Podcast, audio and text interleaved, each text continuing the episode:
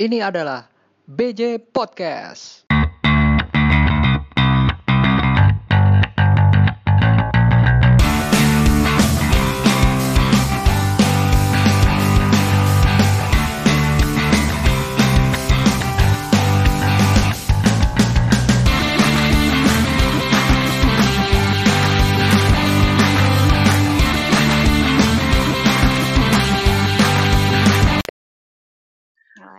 Assalamualaikum warahmatullahi wabarakatuh. Kembali lagi di podcast yang udah lama nggak nggak diisi konten karena masalah pandemi.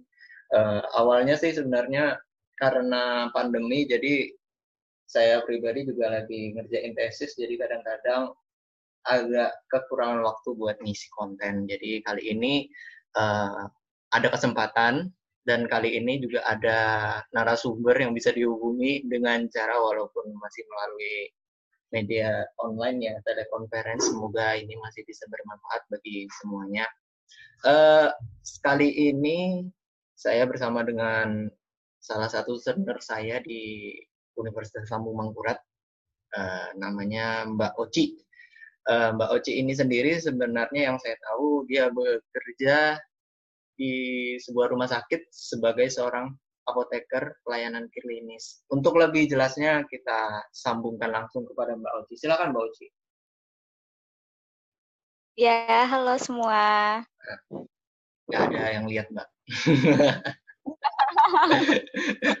Suaranya aja Mbak, silakan. Ya, uh, perkenalan diri dulu ya. Uh -uh.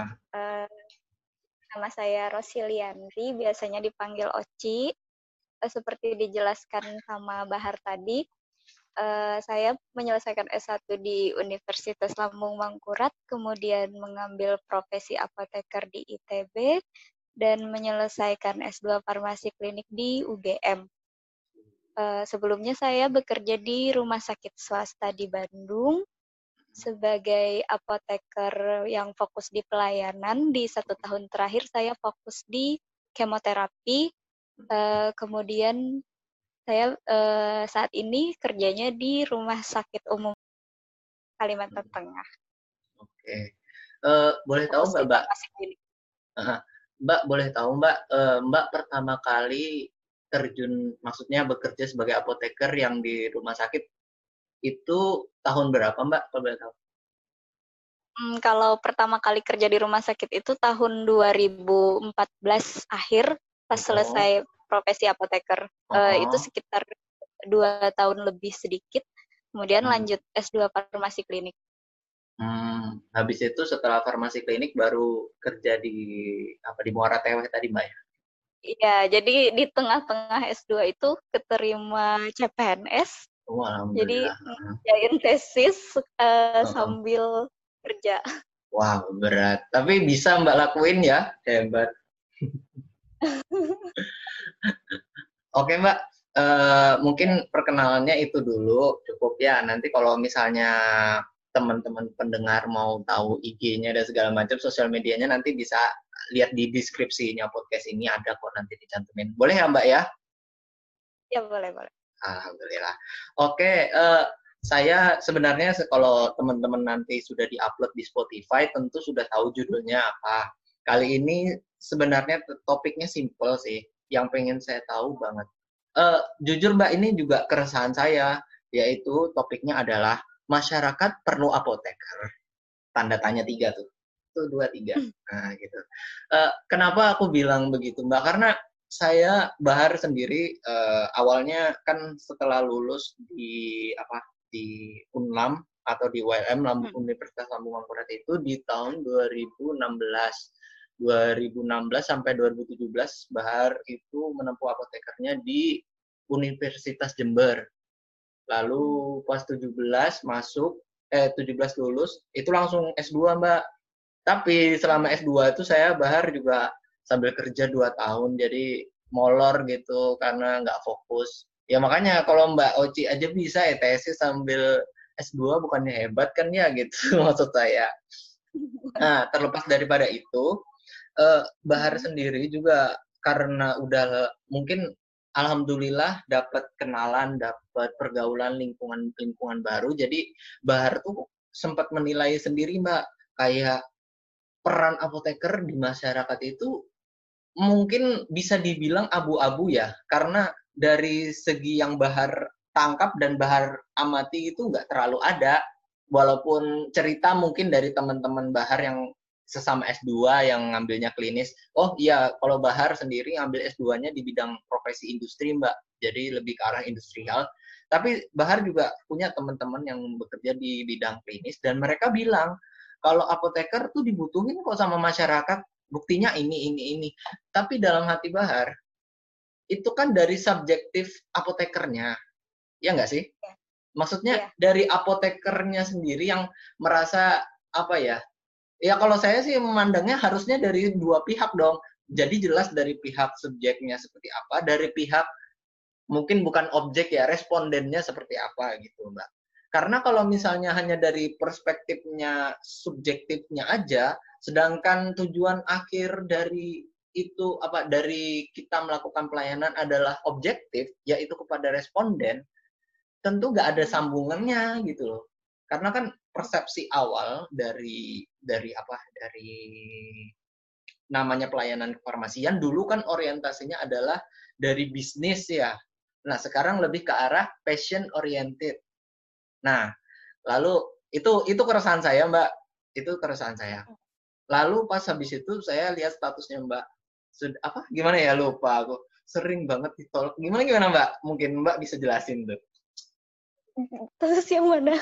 Yang udah lupa. status di Instagram sebentar. Ada. Bahkan bahkan karena buat demi podcast ini dan Mbak Oci bersedia, wah screenshot ah, gue bilang nanti Mbak ini saya izin screenshot karena supaya ngedukung anu aja bacaan aja sih mana ya. Ya, ya. Soalnya saking seringnya update status mungkin ya, jadi saya lupa. Bukan bukan. Oh nih nih nih nih. Dia menjadi saksi sakitnya ditolak pas mau ngasih pio. Padahal bukan pertama iya. kalinya ditolak. Oke, berarti di sini ada kata kunci dua, Mbak. Pertama, Mm-mm. ditolak ngasih pio, kemudian bukan Mm-mm. pertama kali ditolak. Oke, ceritain dulu dah. Oke, jadi eh, ini tuh kejadiannya di karena sekarang udah di daerah ya, Mm-mm. di eh, bukan di kota besar lagi. Mm-mm. Eh, jadi mungkin karena eh, si pasien-pasien di sini itu jarang sekali tersentuh dengan eh, pelayanan informasi obat dari apoteker. Mm-mm. Eh, kurang tahu sih sebenarnya kenapa, Mm-mm. eh, tapi yang saya tangkap ya mungkin karena memang mereka jarang eh, mendapati sosok apoteker yang eh, menjelaskan eh, memberikan informasi obat. Sebenarnya kan informasi obat itu ya kalau buat kita yang eh, pada saat di kota besar ya itu udah standarnya apoteker lah. Tapi ternyata di sini mereka jarang mungkin karena tidak terbiasa ya eh, Hmm. dengan ya, nggak eh, nggak terbiasa dengan pelayanan informasi obat sehingga merasa mungkin merasa kurang penting untuk mengetahui obatnya ini buat apa. Itu sih dari perspektif saya. Saya kurang tahu Hmm. kalau dari perspektif pasiennya. Mm. jadi ceritanya eh, pada saat pertama kali ditolak itu kan obatnya banyak. Mm. Eh, saya mau mulai menjelaskan kemudian dia langsung memotong. Sudah ada kan tulisannya di situ. Jadi persepsi masyarakat itu eh, yang penting ya sudah minum obat sesuai instruksinya. Padahal eh, kan obat itu ada yang harus diminum teratur terus-terusan ada yang hanya untuk meredakan gejala saja. Mm. Eh, Eh, agak bingung sih sebenarnya kenapa mereka tidak tertarik untuk tahu gitu. Eh, obat yang saya minum ini buat apa sih sebenarnya? Dia jadi karena sudah ada tulisannya eh, yang penting sudah ada tulisannya kan mbak ya sudah pengen cepet-cepet aja pulang gitu itu salah satu kasusnya ya Mbak, salah satu kejadian. Mungkin ada kejadian yang lain, mungkin Mbak mau sampaikan. Eh, kejadian kedua itu eh, mungkin karena di sini informasi obat itu seringnya disampaikan oleh perawat ketika Mm. dia pulang rawat inap Mm. Jadi ketika saya baru mulai menjelaskan dan itu kan di farmasi sentral ya bukan di Hmm. bed pasien. Mm-mm. Karena idealnya informasi obat pada saat pulang itu disampaikan di bed pasien seperti pada saat saya berpraktek di rumah sakit swasta di Bandung. Tapi di sini eh, tidak demikian. Nah, Mm-mm. jadi eh, keluarganya langsung memotong. Nanti dijelaskan sama perawat aja. Seperti itu. Hmm. Eh, oh ya, for your information, pasien yang bilang nanti dijelaskan sama, perawat aja, itu adalah pasien yang memang sudah sering bolak-balik masuk ke rumah sakit. Hmm, udah Mungkin biasa nerima dari biasa. anu ya dari perawat gitu ya mbak ya. Perawat. Iya, Tapi saya kan baru ya di sini, jadi halah, eh, Cuman- mereka tuh kaget karena tiba-tiba lo kok dijelasin obatnya. Heeh.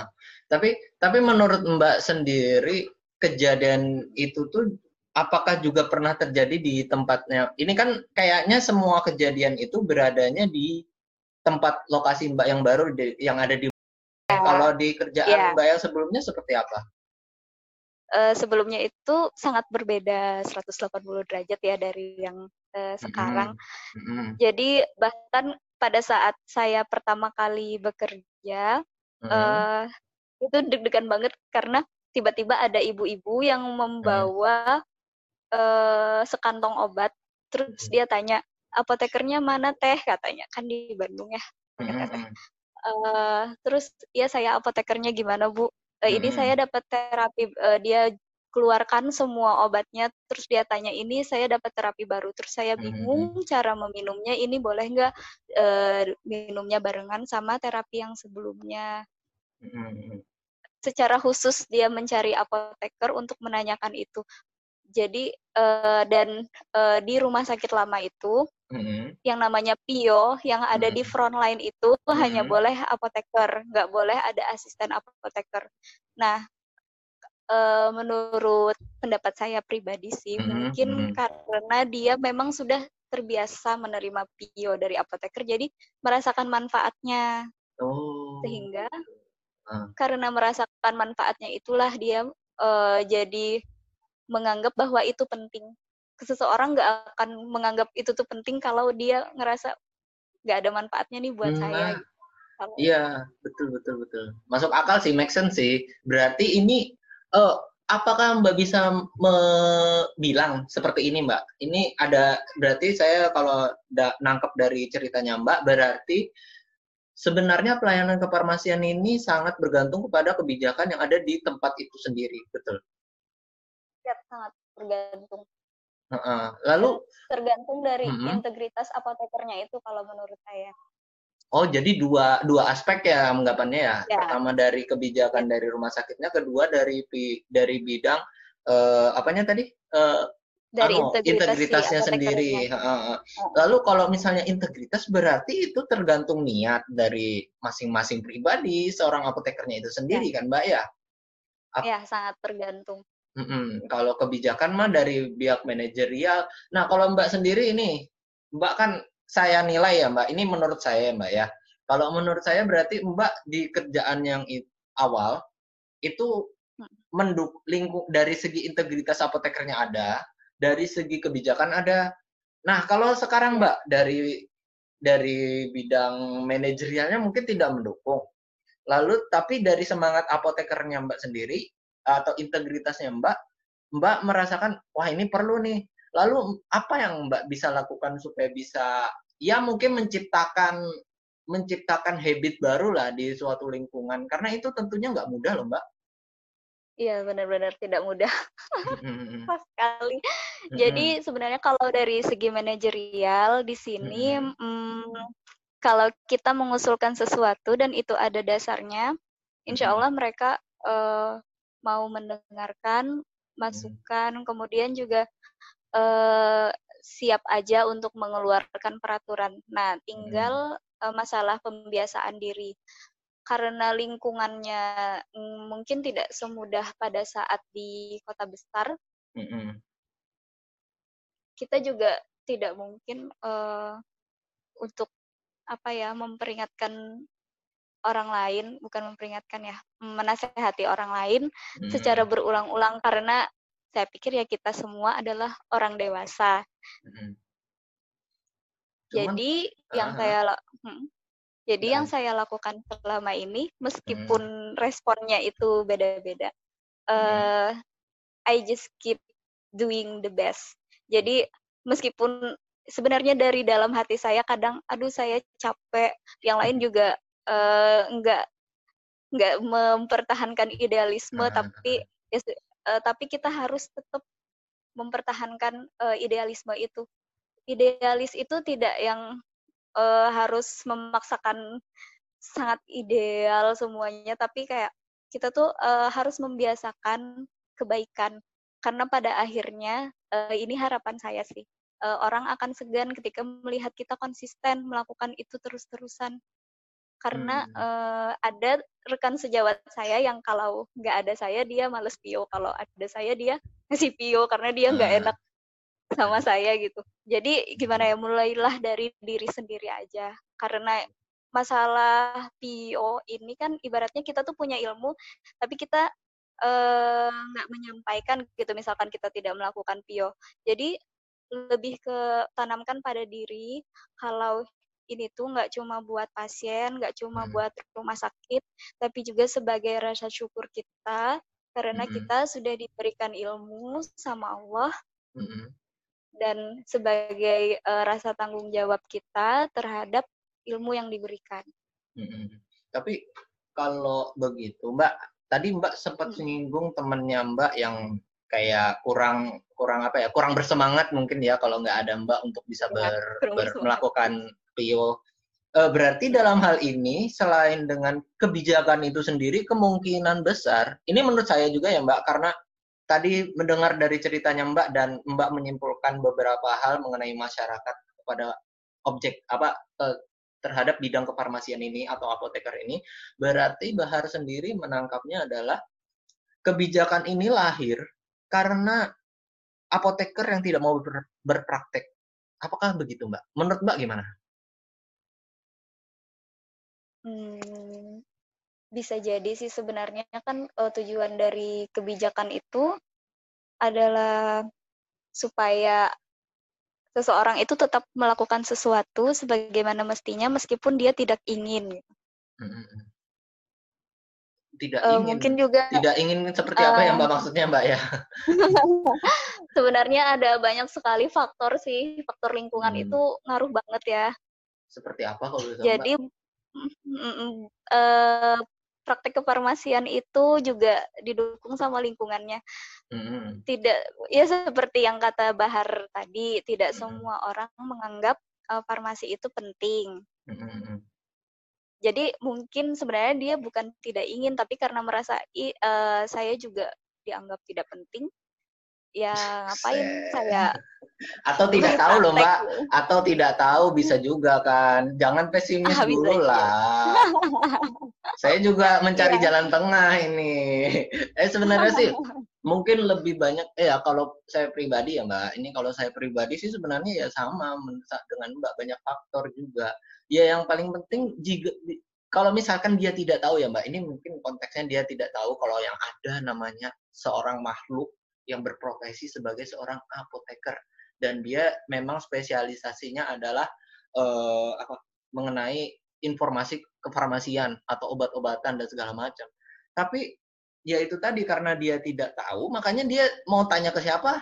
Dia kan berobat sama dokter atau profesi lain, misalnya perawat dan segala macam, bahkan mantri, Mbak. Bahkan di desa-desa kan mantri lebih lebih Iya, sini masih lebih famous kan, lebih famous gitu loh. Iya. Mereka dapat aksesnya dari situ karena mungkin juga mungkin akses nggak rata mungkin ya apoteker senang di kota semua kali bisa juga itu yang pertama kedua nggak Ya. berpraktek bisa juga nggak mbak gimana menurut mbak Ya, kalau yang tidak berpraktek itu kembali ke diri masing-masing, yaitu sebenarnya hmm, pilihan masing-masing. Mhm. Eh, tapi alangkah baiknya kalau kita itu tetap berpraktek, karena kan eh, ada istilah tekap ya, Ah, ah. Bahwa apoteker itu hanya untuk bisnis agar bisnis eh, hanya untuk bisnis, agar Hmm. eh, apotiknya tetap jalan bisa jalan Mhm. eh, dan memenuhi syarat sebagaimana yang sudah ditetapkan oleh pemerintah. Mhm. berarti banyak faktor kayak dari pemerintah dan peraturan juga perlu di lebih ditegakkan gitu ya mbak ya lebih diketatkan lagi ya mbak ya Iya bisa jadi. Sebenarnya mungkin pemerintah sudah berusaha juga ya. Tergantung Tapi manusianya sih.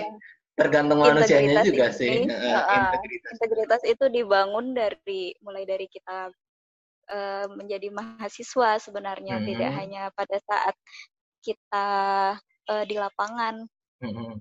Ketidakmerataan dari uh, kurikulum pendidikan juga menurut saya itu sangat mempengaruhi. Hmm karena yeah. pada saat di Bandung ada mm -hmm. banyak uh, lulusan dengan karakteristik yang berbeda-beda. Mm -hmm. Dan itu benar-benar uh, dia alumni mana itu sorry to say mm -hmm. itu tuh sangat mempengaruhi bagaimana dia pada saat bekerja. Uh, Uh, mungkin kita nggak sebut nama anunya Mbak. Cuman yang saya pengen lebih perdalam lagi atau lebih Mbak jelasin yaitu yang di bagian pernyataan Mbak tadi beberapa kurikulum berbeda. Seperti apa maksudnya Mbak ya? Kurikulum apotekernya ya, atau kurikulum S1-nya atau seperti apa maksudnya Mbak? Nah ini karena saya bukan di bidang pendidikan. Hmm, hmm. Menurut Mbak uh, aja, menurut Mbak aja. Sebenarnya beda aja tuh. Mm Kalau menurut saya. Uh -uh uh, kalau di Bandung itu kita kan punya metode ujian yang berbeda-beda ya ujian hmm. ujian kelulusan apotekernya pada saat itu kan belum ada hmm. uji kompetensi.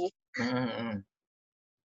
Nah itu menurut saya sangat uh, ngaruh banget sih karena ada yang ujiannya hanya eh bukan formalitas tapi uh, metode ujiannya itu uh, misalnya dia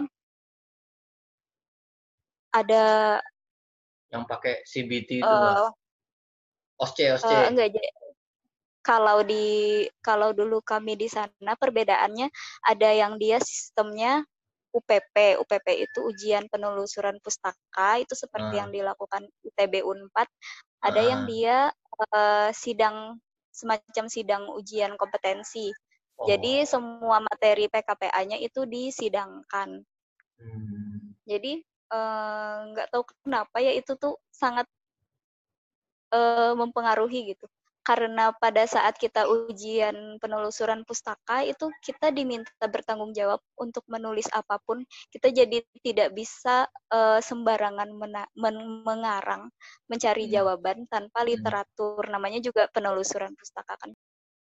Maka dari itu Mbak, saya tuh ya ya bingung aja apoteker di masyarakat ini kok kayak gini. Jadi orang ya kayak pekerja kantoran lah. Manajerial, bisnis dan segala macam gitu. Contoh gini, bisa juga Mbak pernah mungkin Mbak pernah menemui seperti ini.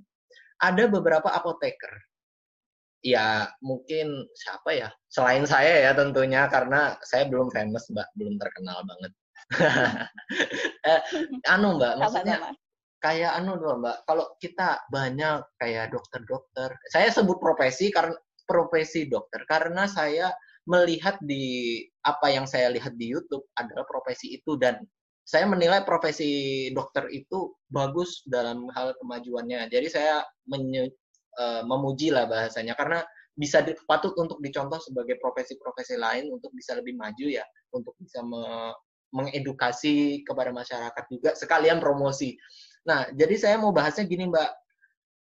Uh, ada beberapa kayak dokter itu di YouTube. Di YouTube sekarang kan zamannya YouTube lagi ngetren kan. Di YouTube itu bikin konten ini, bikin konten itu, bahkan kayak baru-barusan kayak dokter Tirta naik ke naik daun kan karena karena kalau saya pribadi tahunya dokter Tirta setelah yang apa ya yang sebelum dia covid dan sebelum dia sempat sempat terpapar dan segala macam itu saya melihat wah dokter semakin semakin melejit karena uh, apa ya eksposnya ternyata banyak gitu. Banyak yang mengekspos dan dia juga mengeluarkan konten dia juga ber berpraktek dan dia juga melakukan sosialisasi mengenai dirinya itu siapa gitu sedangkan apoteker krik krik krik krik krik krik kok seperti senyap gitu. Saya nggak menyalahkan saya nggak ada niatan untuk menjelek-jelekan apoteker, tapi saya kok saya kayaknya kurang kurang tahu ya gitu loh. Mungkin saya juga mungkin paparannya sempit atau exposure saya mengenai apoteker yang memberikan konten sempit. Cuman kalau dibandingkan dokter kok lebih banyak gitu loh. Ya itu sedih sih. Kalau Mbak sendiri pendapatnya gimana tentang masyarakat itu kayaknya lebih lebih anu deh, lebih tertarik dengan konten yang ada dokternya gitu. Bahkan kan Mbak pasti lihat di sponsor-sponsor obat kesehatan dan segala macam yang muncul ada dokternya ini obat ini Iya. bagus ini dengan cara ini dengan cara ini gitu padahal kan yang dijelasin obat harusnya apoteker sih mbak sendiri gimana menanggapi hal itu mbak Eh, mungkin karena apoteker itu sebenarnya sibuk dia tenggelam dengan kesibukan nah administrasi. Jadi eh, dan eh, kalau di Indonesia kan tidak semua apotik tidak Hmm. semua rumah sakit itu em, punya sistem teknologi informasi ya. Hmm, mungkin eh, dia disibukkan oleh hal-hal yang berbau administratif. Karena apoteker itu banyak sekali laporannya. Tidak Wah. hanya pada saat dia kuliah, tapi juga pada saat bekerja. Dan Jadi, Bu- kalau ada teknologi informasi, kan itu Ah. lebih bisa meringankan eh, kerjaannya apoteker. hmm, hmm. Dan mungkin karena kita kurang dikenal kali ya sama masyarakat, karena pada saat eh, seperti contohnya pada saat vaksin palsu, Hmm, hmm. Yang dicari kan bukan apotekernya, sedangkan Iya. harusnya kan yang dicari itu adalah apotekernya. Bagaimana bisa obat da- eh, obat masuk ke rumah sakit tidak dari satu pintu? Hmm, hmm, hmm. Harusnya kan semua obat yang masuk ke rumah sakit mau dibeli di luar pun itu harus tercatat di farmasi, harus diperiksa dulu oleh Hmm. farmasi baru bisa digunakan. Dan bahkan tidak boleh eh, ada obat dari Hmm, hmm. Yang ujuk-ujuk masuk terus dikasihkan ke pasien kan. Itu wow sih yang sebenarnya yang dicari harusnya apoteker tapi mereka malah pusing-pusing memikirkan ini gimana mengenali Iya, vaksin palsu dan segala macamnya. Ah, padahal ah, kalau panggil apoteker aduh gampang sekali untuk mengetahui dia Eh. palsu atau tidak. berarti berarti juga karena anu ya mbak apa ya padahal kan yang diwawancara juga mungkin kayak pihak-pihak terkait kayak badan pom dan segala macam dan itu kan apoteker semua kan? Berarti ya sebenarnya sebagai suatu profesi yang kurang beken aja kali ya. Gitu mbak. Tapi kok peng tapi kok yang mau masuk farmasi banyak ya mahasiswanya ya? Kenapa bisa begitu? Wah. Eh tapi Tapi- by the kemarin Ah, gimana mbak? Silakan mbak eh kemarin itu pada saat dexamethasone kan pada saat Naik. heboh Mm-mm. masalah dexamethasone bisa Mm-mm. mer- eh, ini ya menurunkan angka kematian pada pasien Hmm, COVID-19 Mm-mm. eh, dan juga pada saat eh, UNER mengklaim Hmm. sudah menemukan lima kombinasi obat Hmm, yang hmm, bisa digunakan untuk COVID-19 hmm. eh, Metro TV waktu itu dia menghubungi apoteker Oh, apoteker. Rizka Andalusiana Mm-mm. eh, dari Badan POM. Itu dosen Mm-mm. eh, salah satu dosen saya pada saat S2. Jadi ya eh, lu- sudah jadi saya berpikir oh mungkin eh, sudah lumayan tahulah arahnya untuk menanyakan sesuatu yang terkait dengan obat. Ini Hmm. enggak se se tidak terkenal dulu. Oh iya, berarti ini udah ada secerca harapan untuk kita bisa naik panggung. Iya. Eh, mungkin eh, ini sebagai penutup Mbak, kayaknya udah mau closing terakhir. Jadi eh, saya kalau dari menyimpulkan sebenarnya ya tergantung banyak faktor ya Mbak ya, mulai dari integritas dari apoteker itu sendiri untuk bisa menyesuaikan diri dan terus berpraktek. Entah itu berpraktek melalui pelayanan kefarmasian, entah itu melalui penyebaran konten, habis itu juga Hmm. mengenai kebijakan. Kebijakan maksudnya dari manajerialnya sendiri juga harus bisa mendukung. Mungkin ada lagi yang Mbak bisa perlu tambahin supaya kita bisa famous gitu Mbak. Bisa famous kayak Adrian yang itu yang bagi-bagi sampah itu. enggak enggak. Eh, mungkin apa dari Mbak saya udah nyebutin tiga sih tadi. Apa lagi Hmm. mungkin Mbak ya? Eh, sebenarnya yang paling penting adalah teruslah berpraktek. meskipun uh, kita itu melakukan hal kecil. Jadi Hmm. uh, kita itu tidak harus menyelamatkan dunia dan segala macamnya, Hmm, uh, tapi bertanggung jawablah dengan uh, apa yang harusnya menjadi tanggung jawabnya kita. Mulai dari situ aja. Hmm. Oke oke. Mungkin Kalau itu dari a- saya sih, Iya. gitu. eh, itu aja mungkin Mbak yang bisa Bahar tanya. Eh, saya harap sih semoga masyarakat tahu lah apoteker ini juga ada loh makhluk yang namanya apoteker dan kami juga siap. Sebenarnya apakah semua hati nurani apoteker itu pengen untuk bisa berpraktek sih Mbak? Uh, kalau dari kalau menurut perspektif saya pribadi mungkin awalnya semuanya ingin, Mm-mm. tapi pada akhirnya uh, ketika terjun ke Mm-mm. dunia kerja ada banyak sekali rintangannya. Misalnya pada saat dia mau menjadi apoteker pendamping di eh, apoteker penanggung jawab apotek, Mm-mm. dia inginnya eh, itu patient oriented. Tetapi Hmm. ketika PSA-nya bukan apoteker Mm-mm. yang meminta target sekian-sekian, mau tidak Hmm. mau dia kayak semacam goyah gitu. Oh tuntutan eh, kerja. niatnya tuntutan ah ya tuntutan kerja terus kalau dari segi farmasi klinik sendiri eh, tidak semua farmasi klinik itu yang berada di Bangsal itu bisa langsung diterima dengan baik oleh lingkungannya Mm-mm. Jadi eh, dari situ kan kita eh, ada orang yang mentalnya cepat down ada yang dia masih bisa bertahan dengan itu jadi sebenarnya mungkin dari awalnya kita tuh semua ingin berbuat kebaikan tapi eh, nanti kita akan menemukan banyak rintangan di Oh iya. eh, pada saat implementasinya.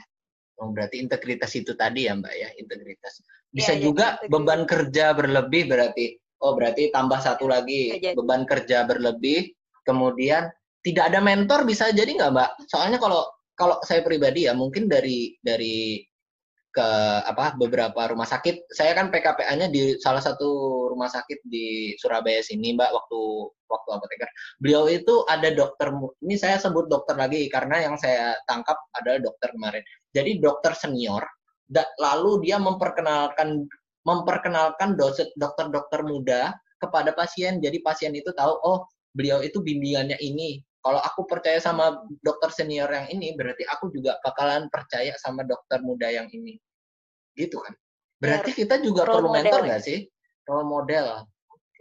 Ya, kita perlu perlu sekali itu role model. Hmm. Karena Mbak? itu ngaruh. Kalau di rumah sakit sangat ngaruh.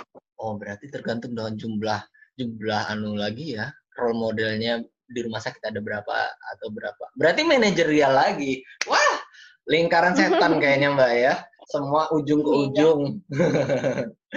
Eh, tapi yang paling penting adalah eh, kita sebagai seorang apoteker harus tetap bisa berpraktek untuk bisa memberikan manfaat seluas-luasnya kepada masyarakat. Ingat tujuan kita ya Mbak ya. Iya. Ya, amin. Luruskan niat Luruskan niat. dan konsisten. luruskan niat dan konsisten untuk berpraktek. Terima kasih. Kayaknya ini aja, Mbak, yang bisa Bahar tanya. Eh, mungkin kalau nanya-nanya yang lain eh, bingung juga nanti saya masih belum banyak sih materinya. Cuman kalau teman-teman pendengar kalau mau tahu eh, bagaimana perkembangan apoteker, saya Bahar sih dapat. Mungkin Mbak juga bisa search ini di salah satu di BEM, anu di situsnya bemfarmasiui.ac.id di situ dia menceritakan tentang apoteker, peran apoteker mulai dari waktu ke waktu. Dan dia juga menuliskan ada apa eh, mekanisme apa bukan mekanisme ya. Bahasanya apoteker sekali ya, mekanisme. Eh, di situ ada lima poin penting untuk eh, menyelesaikan solusi bagaimana peran apoteker itu bisa lebih berkembang. Nanti kita bisa sama-sama baca juga. Saya juga lagi baca nih sebenarnya. Cuman kalau mau saya tanyain waktunya kurang. Soalnya pakai. pakai Iya. Zoom gratis nih saya. Kalau ada nih pihak-pihak sponsor yang mau dengerin. Ya udah itu aja ya Mbak ya. Curhat. Eh, terima kasih Mbak Oci udah ada di diberi kesempatan. Lain kali kalau bisa saya tanya-tanya mau ya Mbak ya. Ya, boleh Bahar. Oke, itu aja Mbak. Terima kasih, sehat selalu untuk Mbak Oci di sana. Assalamualaikum warahmatullahi wabarakatuh. Terima kasih. Waalaikumsalam warahmatullahi wabarakatuh. Semua. Uh, di situ ada lima poin penting untuk uh, menyelesaikan solusi bagaimana peran apoteker itu bisa lebih berkembang. Nanti kita bisa sama-sama baca juga. Saya juga lagi baca nih sebenarnya. Cuman kalau mau saya tanyain waktunya kurang. Soalnya pakai pakai yeah. Zoom gratis nih saya. Kalau ada nih pihak-pihak sponsor yang mau dengerin. Ya udah itu aja ya Mbak ya. Walau uh, terima kasih Mbak Oci udah ada di diberi kesempatan. Lain kali kalau bisa saya tanya-tanya mau ya Mbak ya. ya boleh Bahar. Oke, itu aja Mbak. Terima kasih, sehat selalu untuk Mbak Oci di sana. Assalamualaikum warahmatullahi wabarakatuh. Terima kasih. Waalaikumsalam warahmatullahi wabarakatuh.